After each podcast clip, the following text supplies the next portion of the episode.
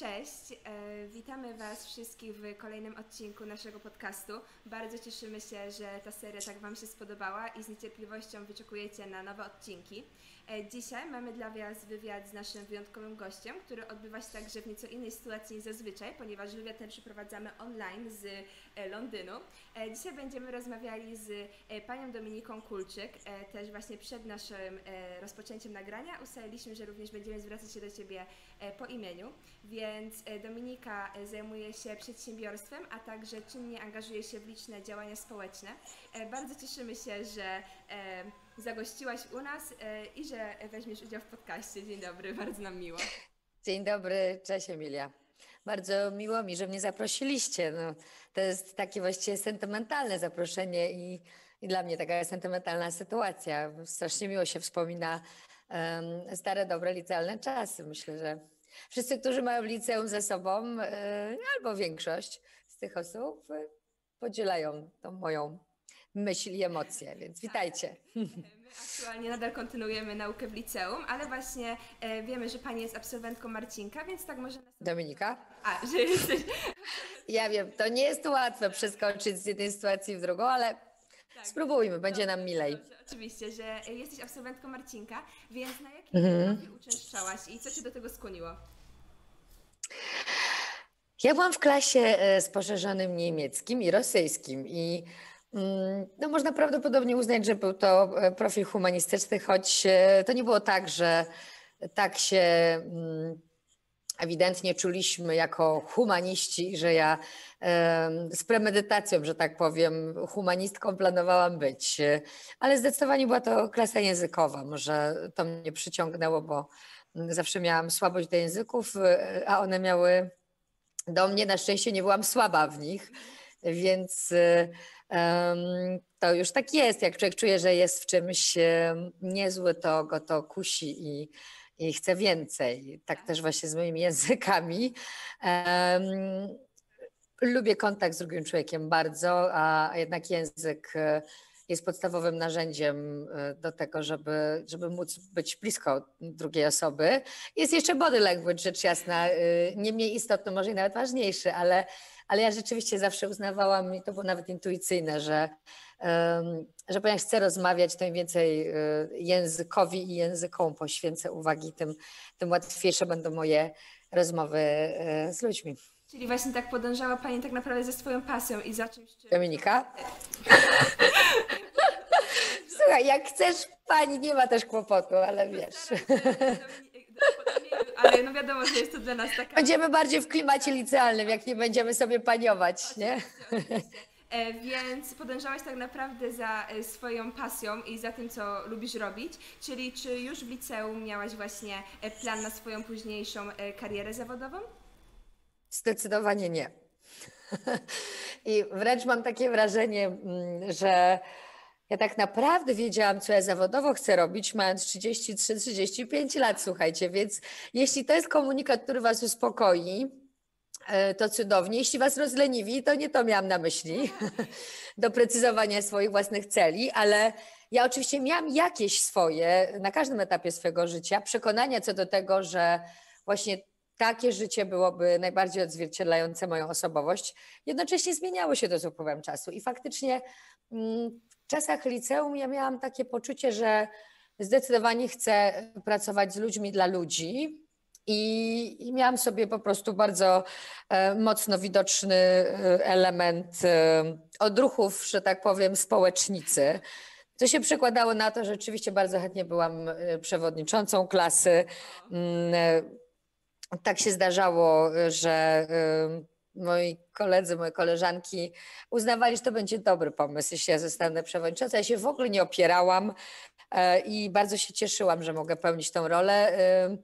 No właśnie chyba głównie dlatego, że, że po prostu lubiłam mm, być intensywnie w, w grupach, w społecznościach z innymi ludźmi.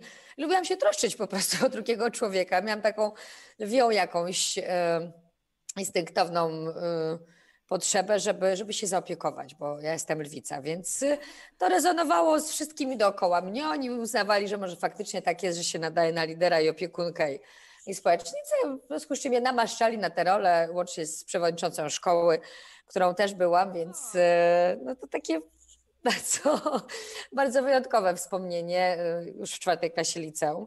E, pamiętam jakieś tam eventy, speeche w głównym holu, po piersie naszego drogiego patrona, które na mnie spoglądało. Tak, to jest, to, to, to tu gdzieś jest. A po piersie fajnie, że też jest nadal.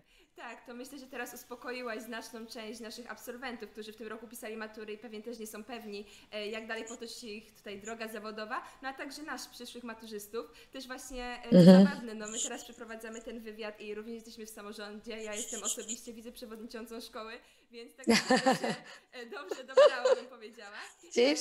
Więc skoro nie byłaś pewna policją, co byś chciała robić i właśnie powiedziałaś, że tylko kierowało tobą ta chęć rozmawiania z drugim człowiekiem, a tak naprawdę swoją ścieżkę zawodową odkryłaś dopiero później, to e, jak wyglądała Twoja dalsza edukacja po Marcinku? Ja po Marcinku oczywiście miałam taki epizod studiów, który był też niesamowicie wartościowy. Zanim się zdecydowałam na konkretny kierunek, czyli sinologię, bo jestem absolwentką sinologii, to y, przyznaję się i może znowu będzie to coś, co y, Wam doda poczucia lekkości i trochę zdejmie z Was stresy na oczekiwania w stosunku do siebie. Mm, mówię to z autopsji, mówię to obserwując moje dzieci, które y, mój syn za rok idzie na studia. Więc y, to jest na pewno bardzo trudny moment. Zdecydować, kim chcę być w życiu, jak chcę Mm, zamanifestować siebie w pewnym sensie, tak? Jak chcę przekuć wszystkie swoje e, talenty, pasje, e, umiejętności na rzeczywistość, po prostu dobrze czuć, kim się staje zawodowo, e, żeby w związku z tym móc być najlepszym na świecie, żeby w związku z tym móc być jak największym też pożytkiem dla, dla tej rzeczywistości wokół nas, dla ludzi, dla których będziemy mogli coś zrobić. Wiecie, ja po prostu wiedziałam, czego nie chcę na przykład. To też jest czasem metoda. Ja wiedziałam, że nie chciałabym studiować biznesu i prawa, bo moi rodzice byli po prawie, a zajmowali się biznesem. W związku z czym miałam jakąś taką świadomość, albo nawet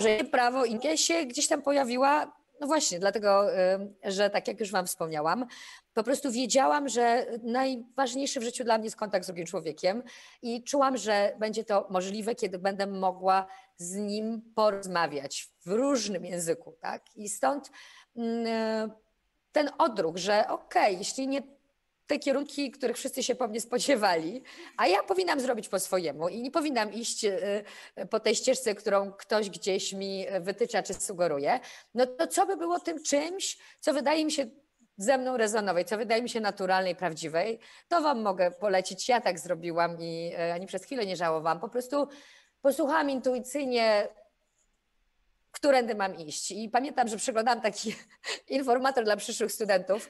Um, uznałam, że dobrze, języki, no tak, ale angielski znam, niemiecki, rosyjski.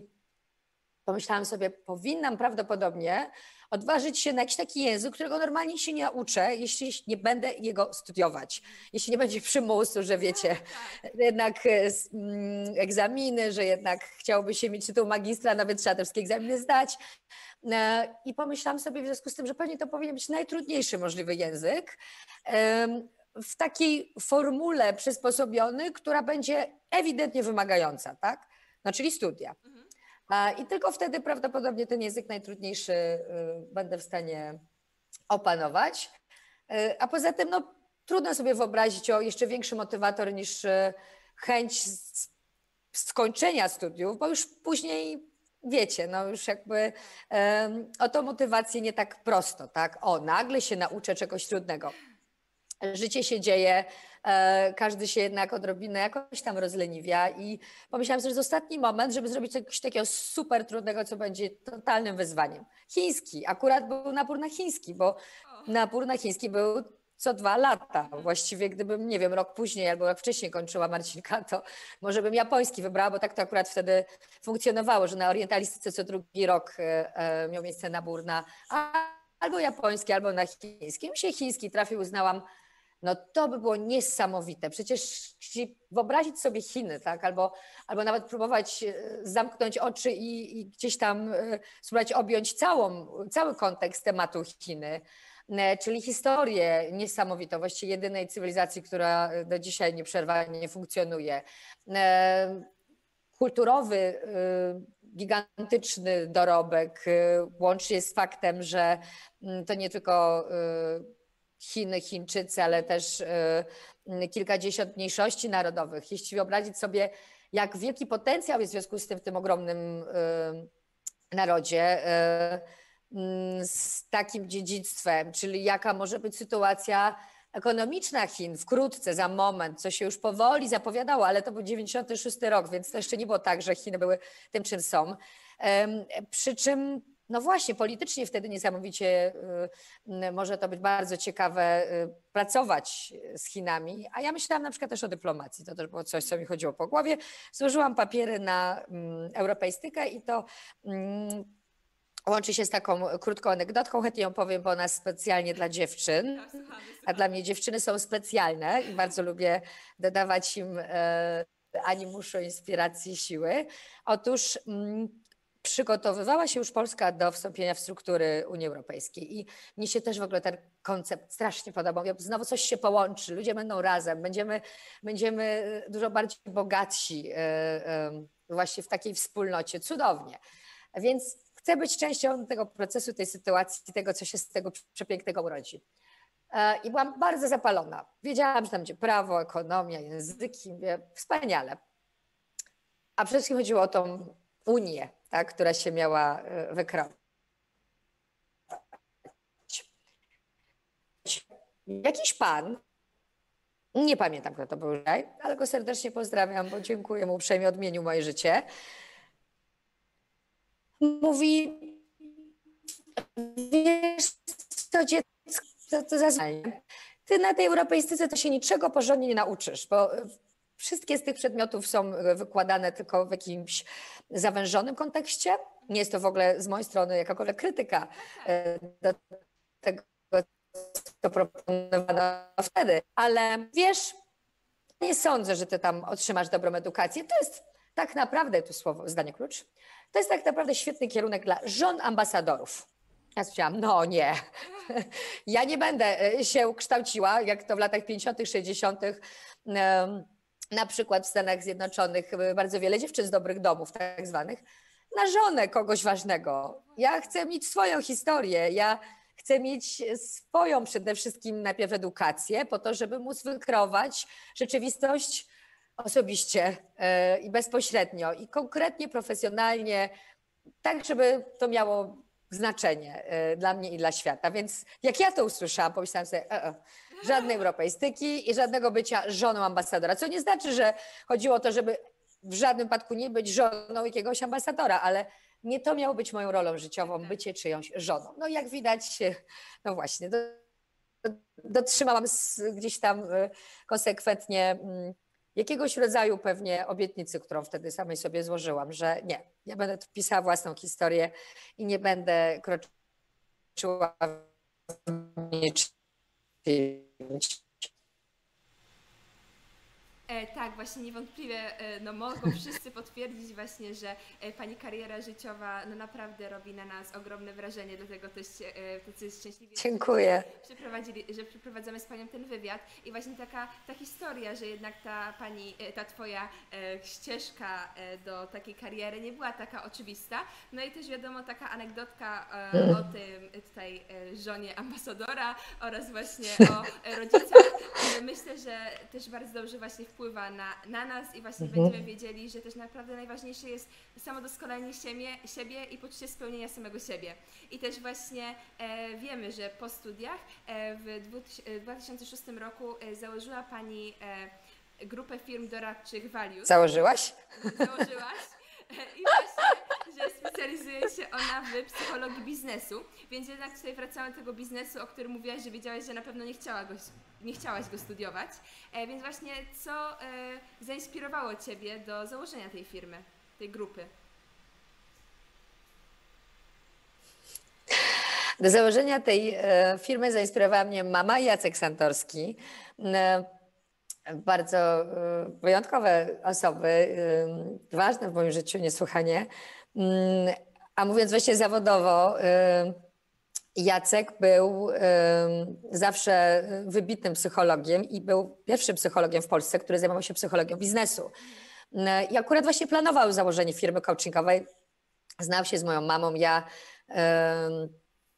przeprowadziłam się wtedy do Warszawy i też jak poszukałam pomysłu zawodowego na siebie, bardzo mi się spodobał ten pomysł, bo mm, okej, okay, o ile nie kończyłam żadnej biznesowej szkoły, no tak, tak ten biznes miałam we krwi, tak jak rozumiałam dynamikę szeroko pojętego biznesu, y, procesów, y, relacji y,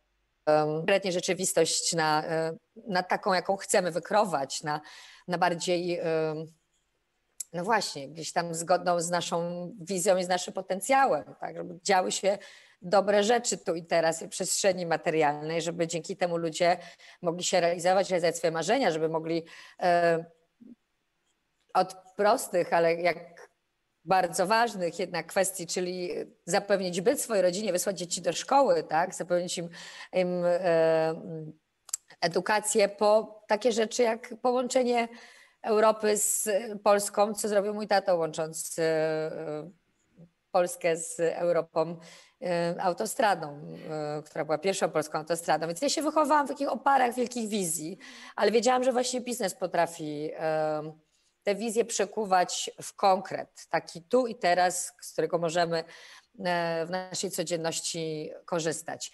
Ale jednocześnie, zanim założyłam tą firmę, pracowałam też w Starym Browarze, więc myślę, warto to dodać, bo, bo no właśnie, rozmawiamy w kontekście też Poznania, tak? Ja jestem poznanianką i bardzo to lubię, że stamtąd jestem. Myślę, że mam trochę poznańskich cech, choć zawsze się czułam obywatelką świata. E, fajny miks, polecam. Dobry początek jednak mieć taką tą poznańską rzetelność właśnie od mamy, e, która no, zrobiła coś wyjątkowego dla, dla Poznania. Ja uwielbiam browary, myślę, że my wszyscy go uwielbialiśmy, może uwielbiamy, no teraz już nie jest e, to obiekt mojej mamy, no ale ona go po prostu wymarzyła, wymyśliła, wyrysowała, e, wymurowała i, i no, wygrywała dla, dla nas wszystkich. I to była moja pierwsza praca. Ja tam byłam odpowiedzialna za wszelakie kontakty międzyludzkie, za E, PR, marketing, sprawy społeczne i, e, i to był taki mój początek, a potem rzeczywiście e, też w zupełnie naturalny sposób znowu działo się coś z biznesem i coś, co jest o relacjach, tak? coś, co jest właśnie psychologią biznesu. Było to fascynujące, ponieważ zdecydowałam się z moim byłym mężem wtedy przenieść do Warszawy, no to właściwie zamieniłam jedną pracę na drugą i, i też jednocześnie mm, urodziłam córeczkę, bo już synka miałam. E, przy czym, e, żeby z kolei nie opuścić całkowicie biznesu rodzinnego, to z firmy mamy przeniosłam się też do firmy taty, więc zawsze dużo się działo. Tak, właśnie e, myślę, że tutaj Stary Browar jest takim bardzo ikonicznym miejscem w Poznaniu, o którym każdy mhm. słyszał, każdy w nim również był. I bardzo ciekawe jest to, że właśnie przed tym, kiedy sama zaczęłaś działać na własną rękę, pracowałaś również e, w takim miejscu z Twojego e, mhm. własnego miasta rodzinnego, no a także, że nie bałaś się tak naprawdę otwierać na nowe drogi, podróżowałaś do Warszawy, teraz wiemy, że jesteś w Londynie, więc naprawdę myślę, że z tego wywiadu my, jako uczniowie oraz absolwenci, którzy nadal swoje drogi na pewno dużo wyciągniemy, ale właśnie e, wiemy... Bardzo bym chciała, życzę Wam tego. Jeśli w ogóle się dzielę swoimi historiami, to e, z głębokiej intencji tego, żeby zainspirować bardziej historią i mhm. tym, żeby może dodać e, a właśnie, skrzydeł. Tak, właśnie też bardzo e, istotnym jest o, to wsparcie rodziców, o którym cały czas tak naprawdę powtarzasz. E, mhm. Więc no naprawdę bardzo się cieszymy, że akurat tak się powiodło i liczymy, że u nas tak samo e, nasza droga mhm. życiowa będzie taka otwarta, ale także wiemy, że angażujesz się w liczne działania dla dobra środowiska i że przez 7 lat tutaj kierowałaś polskim oddziałem Green Cross International i właśnie czy mogłabyś powiedzieć e, także jakby, e, czy to było bardziej w formie takiej pasji, od zawsze interesowałaś się dobrem środowiska, czy też było e, w formie pracy, czy jak to właśnie wyglądało i tak naprawdę co Cię do tego zainspirowało? Wiecie co, E, mam taki, nie wiem czy sekret, ale na pewno gigantyczne szczęście, że każda praca, jaką wykonuję, jest moją pasją. I e, myślę, że to jest przepis nie tyle nawet na sukces. Oczywiście wszyscy chcą sukces osiągnąć, ale no, moglibyśmy długo dyskutować, czym jest sukces, ale na takie poczucie, e, że jest okej, że to jest to, że e, jestem na swoim miejscu. E, Czyli taki po prostu spokój ducha, taki, takie poczucie harmonii, taka świadomość, że po to tu jestem. Robię właśnie to, po co mam mm, tutaj być. I to się oczywiście zmieniało, co robiłam w życiu. Nie zawsze robiłam to samo, ym, ale wtedy, kiedy to robiłam, to robiłam to całym sercem, zawsze. E, Jak byłam w browarze, to po prostu uwielbiałam tam pracować. e, Podziwiałam moją mamę za, tą, za to jej wizjonerstwo, za to cudowne połączenie takiego materialnego świata, e, komercji z, e, z przepięknym, abstrakcyjnym, takim właśnie inspirującym światem sztuki. Z tym, że chciała to dać ludziom, że chciała im pokazać, że przecież nasza codzienność może być piękna. Musimy wymagać, żeby taka była, żeby jej nie traktować jakkolwiek, żeby jej nie byle jaczyć, żeby nawet zakupy em, były znowu taki moment, kiedy sobie uświadamy, że uświadamiamy sobie, że wszystko, czym się otaczamy, buduje nasze życie i wszystko powinno mieć jakość. Jakość e, tej kawy, którą pijemy, jakość bluzki, którą na sobie mamy, jakość słów, które wypowiadamy, muzyki, którą słuchamy, tak, e, obrazów, na które patrzymy. To wszystko nas tworzy z szacunku do siebie po prostu. e, Dbajmy o to i bądźmy wymagający, żeby to wszystko, co co jakby pobieramy ze świata wewnętrznego, było naprawdę najwyższej próby. A to może być przepiękna natura, to może być po prostu dobra książka. To nie chodzi w ogóle o luksus. Chodzi o świadomość tego, że jesteśmy wyjątkowi i powinniśmy gdzieś tam starać się to nasze życie czynić też wyjątkowym, jakościowym. E, I, i zawsze uczciwie się w to wszystko, co robimy, angażować. Więc ja to poczułam i to zrozumiałam ewidentnie już e, e, e, pewnie na samym początku mojego życia, bo tak żyli moi rodzice, ale już zawodowo rzecz opisując e, w Starym Browarze. E, I, I tak, no bo mm, tak mi się szczęśliwie zdarzyło. No miałam najlepszych rodziców, jakich e, mogłam mieć, aczkolwiek zdecydowałam, że idę swoją drogą. Myślę, że to jest dobre. Rozpoznać, co dostajesz, być za to wdzięcznym, ale w żadnym wypadku nie mieć poczucia, że musisz spłacać jakiś dług albo że mm, masz jakieś zobowiązanie, że w związku z tym czegoś nie możesz, że musisz się poświęcać. Nie. Nie, jestem przekonana, że y, przychodzimy na ten świat przyprowadzani przez rodziców. Oni mają radość wielką y, być przy nas, kiedy jakby stawiamy pierwsze kroki, poznajemy e, tą cudowną rzeczywistość tego wymiaru, ale jesteśmy wolnymi duszami. I, I ja jako matka się tego cały czas uczę, żeby nie oczekiwać od dzieci, żeby nie wymagać, że one coś w stosunku do mnie będą musiały w przyszłości, że mają spełniać jakieś moje niespełnione ambicje i tak dalej. Więc, więc dlatego szłam swoją drogą, biorąc wszystko od rodziców, co tylko mogłam najlepszego. Rzeczywiście ta Warszawa już była taką moją drogą, a potem Green Cross. Tu z kolei pracowałam już u taty. I tak, i, e, i pamiętam tatę, który w którymś momencie taki bardzo podekscytowany mówi, słuchaj, e, zostałem zaproszony do współpracy ze Światowym Green Crossem. To jest w ogóle jak Czerwony Krzyż, tylko o ekologii. Zobacz, jaka ta ekologia ważna. Spotkałem e, prezydenta Gorbaczowa. Mówimy o wodzie, o tym, że tej wody brak, że trzeba bardzo poważnie do tematu podejść, bo, bo, bo woda to życie, a wcale zasoby wody nie są nieograniczone. Akurat Polska ma bardzo niewielkie zasoby wody. To też o tym postaramy się pamiętać. Więc ja wcześniej przyznaję, nie byłam jakoś totalnie zakręcona w temacie ekologii. Kochałam zawsze przyrodę, y, to tak. Ale dopiero wtedy poczułam, kurczę, to jest ważne i to jest fascynujące i to jest super. I gdybym tego nie poczuła, to bym nie była w stanie założyć polskiego oddziału, nie byłabym w stanie go prowadzić przez 8 lat, bo ja nie potrafię robić nic, czego nie czuję, czy, czy, co nie jest z mojego serca po prostu na część świecie. I, e, a tu się tak zdarzyło, że ja to po prostu polubiłam, ja to poczułam, ja się wkręciłam, uznałam, Boże, cudownie, że mogę robić coś tak ważnego i ciekawego. Tak, czyli tak naprawdę takim kluczem do sukcesu jest tak naprawdę wiadomo świadomość własnej wła- wartości, ale również podążanie e, ze swoimi pasjami za tym, co samouczycie Intuicja tu. Dokładnie, a nie e, podążanie za ideałami rodziców. E, I też właśnie o Twoich tutaj działaniach społecznych można by było rozmawiać bardzo długo, jednak wiadomo, że troszkę czasu zmieni. E, ale właśnie wiemy, że na przykład otrzymał... Ile mamy czasu, bo mogę tygodniami. Czas mamy, Ile, Emilia? tego, ile, e, ile Ty nam możesz poświęcić. My mamy dowolny ilość czasu. E, ale też nie chodzi o to, żeby powiedzieć sobie wszystko od razu, prawda? Poza tym mam pracę jeszcze inną, do której będę biegła. Zawsze można umówić się czas. ale właśnie Pewnie. że e, otrzymałaś e, order uśmiechu właśnie za swoje działania społeczne i właśnie wiemy także, że działasz w Kulczyk Foundation i czy mogłabyś opowiedzieć, jakie są główne działania tej, fu- tej fundacji oraz jakie są najbliższe cele? Kulczyk Foundation to jest rodzinna fundacja, którą założyłam, e, której założycielami był jeszcze mój tato, moja mama, mój brat. Mm, A ja ją prowadzę i, i gdzieś tam byłam pomysłodawczynią e, jej powstania. I na początku ona też wynikała e, bardzo mocno z takich przeciekawych i niekończących się rozmów z moim tatą o tym, co zrobić dla świata mądrego, po co tu jesteśmy. I na pewno bardzo dużo czasu poświęcaliśmy też e, przyglądaniu się temu, jak zmitygować, zmniejszyć e, tą okrutną przepaść, która jest między ludźmi, którym się powodzi dobrze, a tym, którzy e, żyją na skraju ubóstwa. I myślałam, to, to jak najbardziej była ta też inspiracja, dużo o Afryce, o tym, że może infrastruktura, tak? coś, co się tworzy dla społeczności, coś, co potem powoduje, że oni mogą się rozwinąć, nie wiem, szkoła, tak, lub y, leczyć, szpital, lub droga, handlować, dojechać do szkoły, do szpitala i tak dalej. Będzie czymś, co będzie miało głęboki sens. y, kreowanie infrastruktury. Nie bawimy się wtedy w Boga, nie wybieramy osoby, wspieramy całą społeczność i ona potem sama sobie pomaga trochę na zasadzie efektu domina właśnie, bo to jest mój model ulubiony, bardzo w niego wierzę, nie mam wątpliwości, że działa już teraz.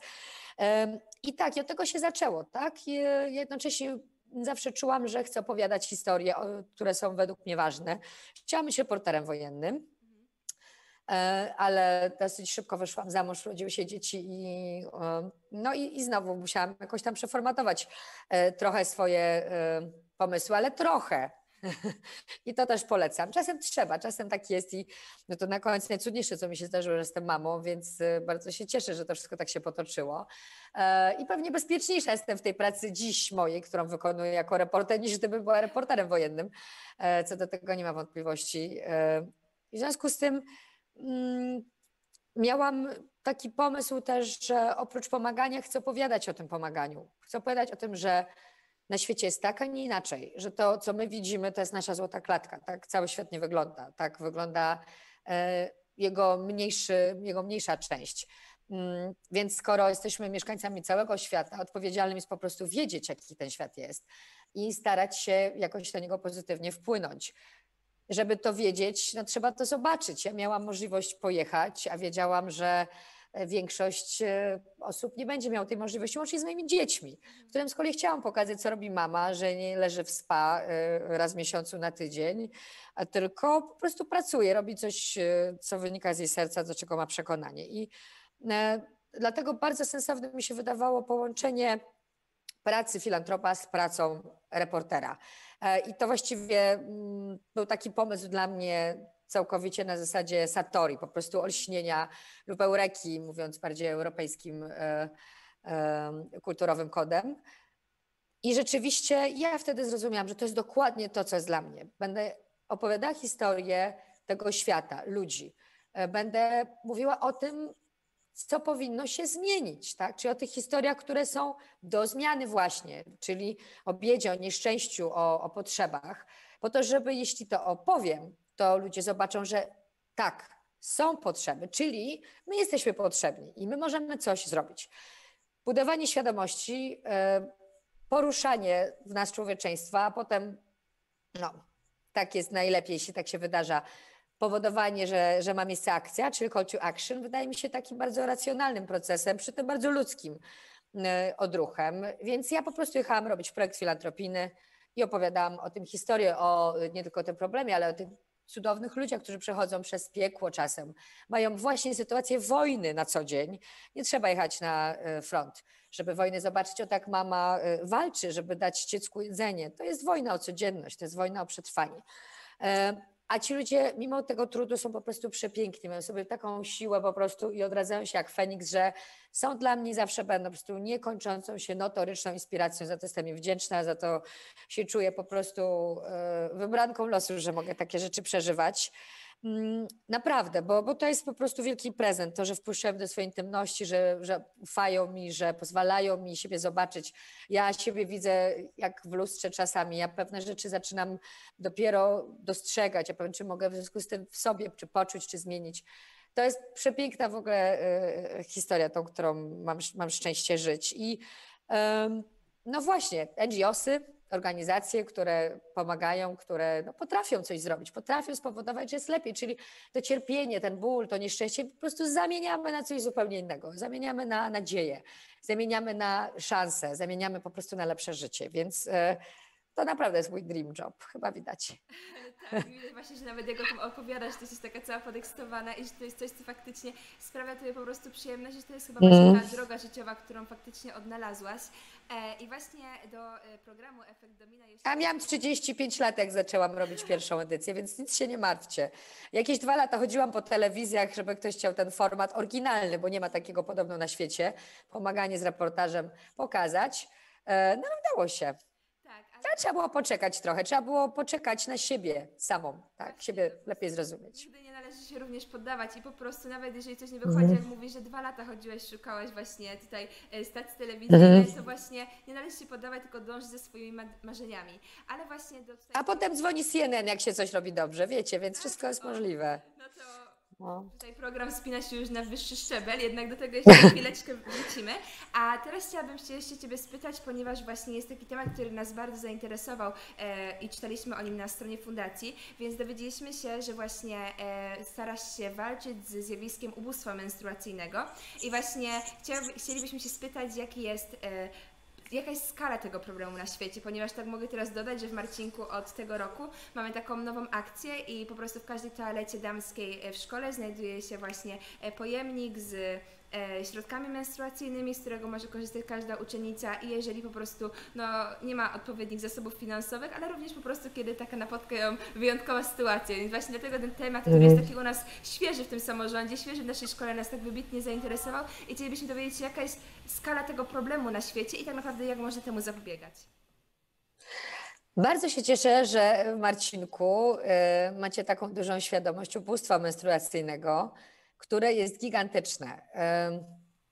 Zrobiłam najpierw raport polski e, w Kurczyk Foundation na temat ubóstwa menstruacyjnego, a później światowy, który okazał się być pierwszym światowym raportem na temat ubóstwa menstruacyjnego, e, bo zawsze ten temat był traktowany pobocznie, przy okazji e, higieny, przy okazji zdrowia, przy okazji spraw kobiecych, ale to nigdy nie było tak, że ktoś zaadresował ten problem, przynajmniej starając się stworzyć raport, jako problem sam w sobie, wielkie wyzwanie dla świata.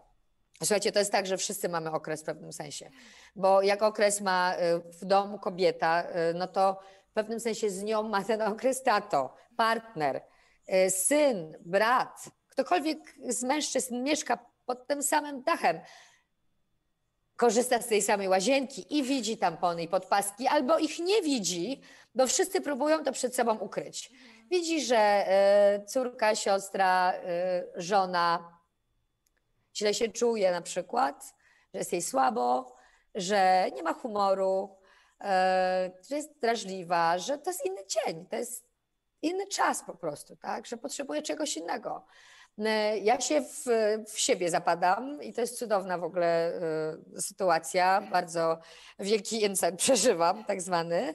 E, I moi domownicy to wiedzą. Wiedzą o menstruacji bardzo dużo. Mój syn nawet czasami, mamo, już przestań, proszę cię, czy ja muszę o tym wiedzieć? Tak, musimy o tym wiedzieć, bo ja pamiętam siebie, nie tylko z liceum Marcinku, kiedy umierałam z nerwów, zastanawiając się, czy, o Boże, chyba dostałam okres i czy to widać. To był taki stres, który, który jak dzisiaj o tym pomyślę, właściwie e, odczuwalny jak ten stres, kiedy robisz coś złego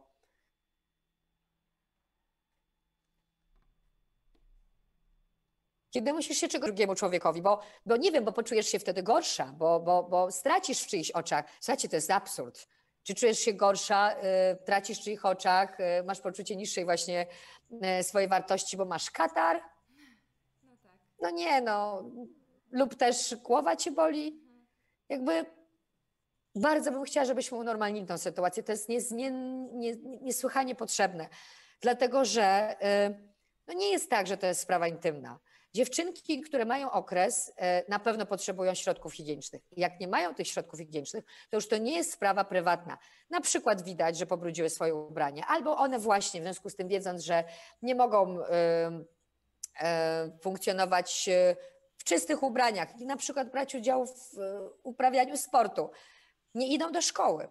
Słuchajcie, w Afryce bardzo często dziewczynki po prostu nie korzystają z edukacji przez jedną czwartą roku szkolnego, jedną piątą, bo mają wtedy okres, a nie mogą pójść do szkoły, tak twierdzą, tak myślą, tak jest przekonanie. Kiedy mają okres, chociażby dlatego, że nie mają podpasek i tamponów i kubeczków menstruacyjnych. Słuchajcie, taka dziewczynka już nigdy nie będzie tak dobrze wykształcona chłopiec. Ona się nie dostanie na takie dobre studia i ona nie będzie w stanie być całkowicie wolna ekonomicznie, jak to się ładnie określa, czyli nie będzie miała własnej pracy i kasy w związku z tym, czyli stanie się w pewnym sensie niewolnicą rodziny.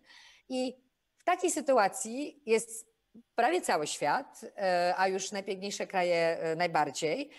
I taka sytuacja powoduje, że świat, który którym dzisiaj żyjemy, nie jest światem, który wykreowały na równi kobiety i mężczyźni, w którym kobiety miały możliwość tak samo uczestniczyć, w którym miały prawo i okazję wpływać na to, co się dzieje w takim świecie, tworzyć prawo, e, być naukowczyniami, pisać książki, robić wszystkie te rzeczy, które wymagają wyjścia z domu, które wymagają kontaktu z drugim człowiekiem, które wymagają tego, żeby drugi człowiek akceptował ich kobiecość, czyli na przykład okres łącznie z tym, że krwawią i krew ich zalewa, e, tak jak mówimy e, w naszej okresowej koalicji, że nas krew zalewa, bo mentalnie i fizycznie nas zalewa. To jest przepiękny proces biologiczny. Ja dzisiaj tak o tym myślę. Dziewczyny, polecam Wam, e, poświęćcie sobie i swojej fizyczności w kontekście okresu chwilę, bo ja to zrobiłam dopiero niedawno. Jeszcze dwa lata temu się wstydziłam poprosić mojego kierowcę, żeby kupił mi w aptece tampony, kiedy miałam spotkanie. A dzisiaj się już nie boję o tym powiedzieć. I dzisiaj widzę, że to jest ciągle dla ludzi trudne. Ja to szanuję, ja to rozumiem. Ale jeśli nie zaczniemy o tym normalnie rozmawiać, a co za tym pójdzie, nie będziemy się czuły swobodnie wtedy, kiedy mamy okres, nie będziemy zaopiekowane, nie będziemy zrozumiane, to my zawsze się będziemy czuły gorzej. My zawsze nie dowieziemy czegoś. My zawsze będziemy się czuły poza jakimś nawiasem. I naprawdę polecam Wam e, też wejście w siebie i swoją fizyczność, bo ja jako kobieta od niedawna dopiero się naprawdę cieszę okresem i celebruję ten okres.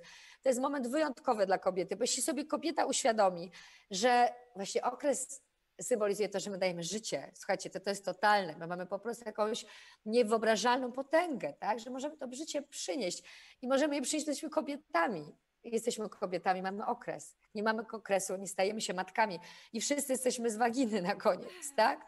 I jak sobie to wszystko uświadomimy, to nagle nasza istotność w naszych oczach własnych rośnie i staje się taka, jaka być powinna, bo to nie chodzi znowu o wywyższanie się. Chodzi o to, żeby z pozycji, w której nas zawstydzano jako kobiety, że mamy okres, to były dni, kiedy nie wolno nam było wychodzić, byliśmy w ogóle nieczyste, nie mogłyśmy po, po, posiłków gotować, nie mogłyśmy do ludzi iść, nie mogłyśmy patrzeć oczy nikomu, że do dzisiaj tak jest, że dziewczyna nie może z rzeki wziąć wody, że jak wejdzie do ogrodu, to podobno wszystkie rośliny umrą, że e, musi być w chatce menstruacyjnej, gdzie marznie, zamarza w związku z tym czasem, gdzie jest atakowana przez dzikie zwierzęta, gwałcona, porywana. Słuchajcie, to się powinno skończyć, bo to jest wbrew naturze, to nie jest tylko wbrew kobietom, to jest wbrew mężczyznom tak samo. Bo szczęśliwa kobieta to szczęśliwy mężczyzna, to, to mężczyzna, który na świat przychodzi dzięki kobiecie, tak? Bo przecież tak to właśnie jest, więc... E, Boże, wróćmy do tego, co jest prawdą. No, wróćmy do początku i, i dobrze się z tym poczujmy. Taka jest moja intencja, tak bardzo bym chciała, żeby mogło tak być. Wyobraźmy sobie taki świat, gdzie uważamy, że to jest wszystko nie tylko nawet normalne, ale piękne i celebrujmy to po prostu. Od razu jakość tego, jak się czujemy, moim zdaniem wzrośnie niewyobrażalnie. Cała coś też jakby zyska na jakości, myślę. Właśnie z Twojej wypowiedzi wynika, no, że skala problemu jest faktycznie... To się uniosłam, bo to naprawdę mój temat, którym żyję bardzo. I trzeba po prostu wychodzić z tej e, strefy tabu, po prostu Jest. rozmawiać. Mhm. E, ale teraz tak naprawdę wróćmy już do tego e, programu, o którym wspominałaś, Efekt Domina. Wszystko się zaczyna od rozmowy.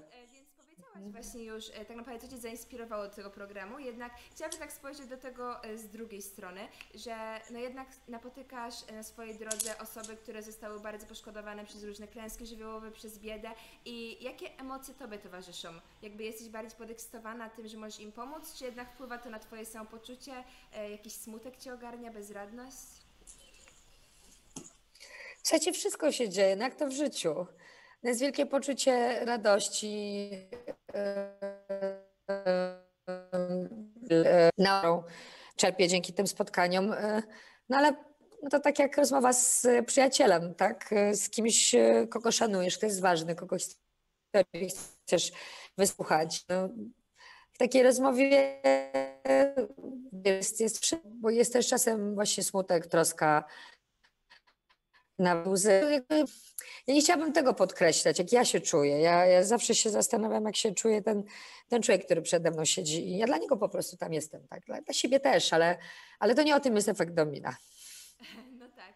E, więc Ja po prostu jestem wdzięczna, że mogę być częścią tego efektu domina właśnie, tak, który miałam radość i w ogóle szansę uruchomić. Właśnie takie bardzo też empatyczne podejście, a czy możesz wskazać taki najlepszy moment tego e, programu, jakaś taka najlepsza sytuacja, która Ci się przydarzyła, coś czego byłaś najbardziej dumna, czy jednak wszystko jest dla Ciebie takim sukcesem? W żadnym wypadku nie chcę stopniować, wiecie, znowu, no tak z przyjaciółmi, no naprawdę chcielibyście wyróżniać jednego kosztem drugiego. Myślę, że, że nie, że jak się coś bliskiego, dobrego wydarzy, to, yy, to, to już przestaje być w kategorii oceniania nawet, tak? To czuję, że to jest dobre już. I em, spotykam po prostu przepiękne osoby, nie wiem, całe mnóstwo dzieci dzielnych, dziewczyn, kobiet, teraz się skupiam na kobietach, Em, no bo właśnie taki teraz mam fokus. Tak poczułam, że teraz już jest czas, kiedy ja kobietę w sobie rozumiem e, i cały czas się jeszcze bardziej oczywiście uczę ją rozumieć. e, Więc chcę też e, tym, co już wiem em, i co mogę em, z własnej kobiecej siły wziąć, dać innym kobietom i e, je zainspirować, pomóc im po prostu.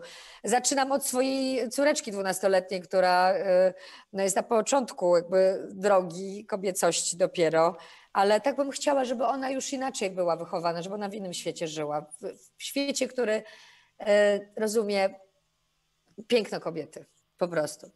To jak bardzo ważne jest dla świata. Tak, właśnie jednoznacznie i niezaprzeczalnie można właśnie e, stwierdzić, że osiągnąłeś ogromne sukcesy na wielu płaszczyznach, o czym właśnie dzisiaj rozmawiamy, ale czy posiadasz jeszcze jakieś marzenia, jakieś cele, do których dążysz, czy tak naprawdę teraz żyjesz już chwilą? I znowu, y, i to, i to, magia i. Jak w y, mm, czyli firmie, którą mam z Jackiem Santorskim, słuchając Jacka właśnie, od którego nauczyłam się tej prawdy. Istnieje coś takiego jak magia i. E, Bardzo staram się żyć chwilą, ale oczywiście mam marzenia, bo żeby tak naprawdę być, myślę, trzeba y, umieć być obecnym, a jednocześnie y, życie jest o tym wszystkim, co może nam być dane, o całym naszym potencjale, o tym, co ma dla nas wszechświat. I, i żeby skorzystać z tego, no, trzeba się na to otworzyć. Marzyć trzeba też. I marzenia są, y, są piękne, ale y, nie żyję marzeniami, tylko jestem po prostu otwarta na wszystko to, co czuję, że jest moje i przyjdzie do mnie po prostu. Właśnie przez cały nasz e, teraz wywiad rozmawiałyśmy tak naprawdę o takiej małej e, kluczu do sukcesu oparty na e, Twoich doświadczeniach. A czy tak właśnie na zakończenie podsumowując, mogłabyś jeszcze raz powtórzyć właśnie dla naszych wszystkich słuchaczy jakieś rady przy wyborze ścieżki zawodowej? Słuchajcie, na pewno każdy z Was wie najlepiej. Wszystko wie najlepiej. E, Jest mądry tu wewnętrznie, e, czy ma lat 10, czy 18, czy e, 40. E, ja to czuję, że my całą mądrość mamy w sobie i, i tu jest też nasze szczęście. Więc e, myślę, że czymś, co warto w sobie mieć, o czym warto myśleć, o czym warto po prostu pamiętać, jest to, żeby zawsze słuchać siebie, żeby ufać sobie, żeby e, mieć przekonanie, że wy, my dla siebie e, jesteśmy najważniejsi i najlepiej siebie znamy i najpiękniej możemy przeżyć życie, żyjąc podług siebie właśnie, podług tej prawdy, która, którą każdy z nas w środku ma, więc nie przejmujcie się, wszystko będzie dobrze. Nie ma błędów, są tylko lekcje. I myślę, że to są e, słowa, które idealnie podsumowują całą rozmowę. Jeszcze raz dziękujemy Tobie, że zgodziłaś się z nami porozmawiać.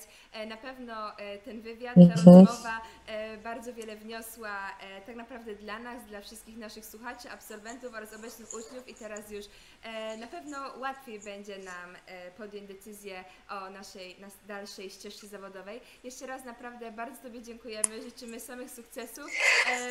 I Dziękujemy. Mhm. Naszym dzisiejszym gościem była Dominika Dziękuję. E, a poprowadziła Emilia Szczepańska. Dziękujemy bardzo. Słuchajcie, dziękuję i jeszcze może ostatnie słowo. Weźcie tą historię, jeśli e, chcecie, niech Wam doda skrzydeł i piszcie swoją własną według Waszego serca. Pozdrawiam Was, powodzenia.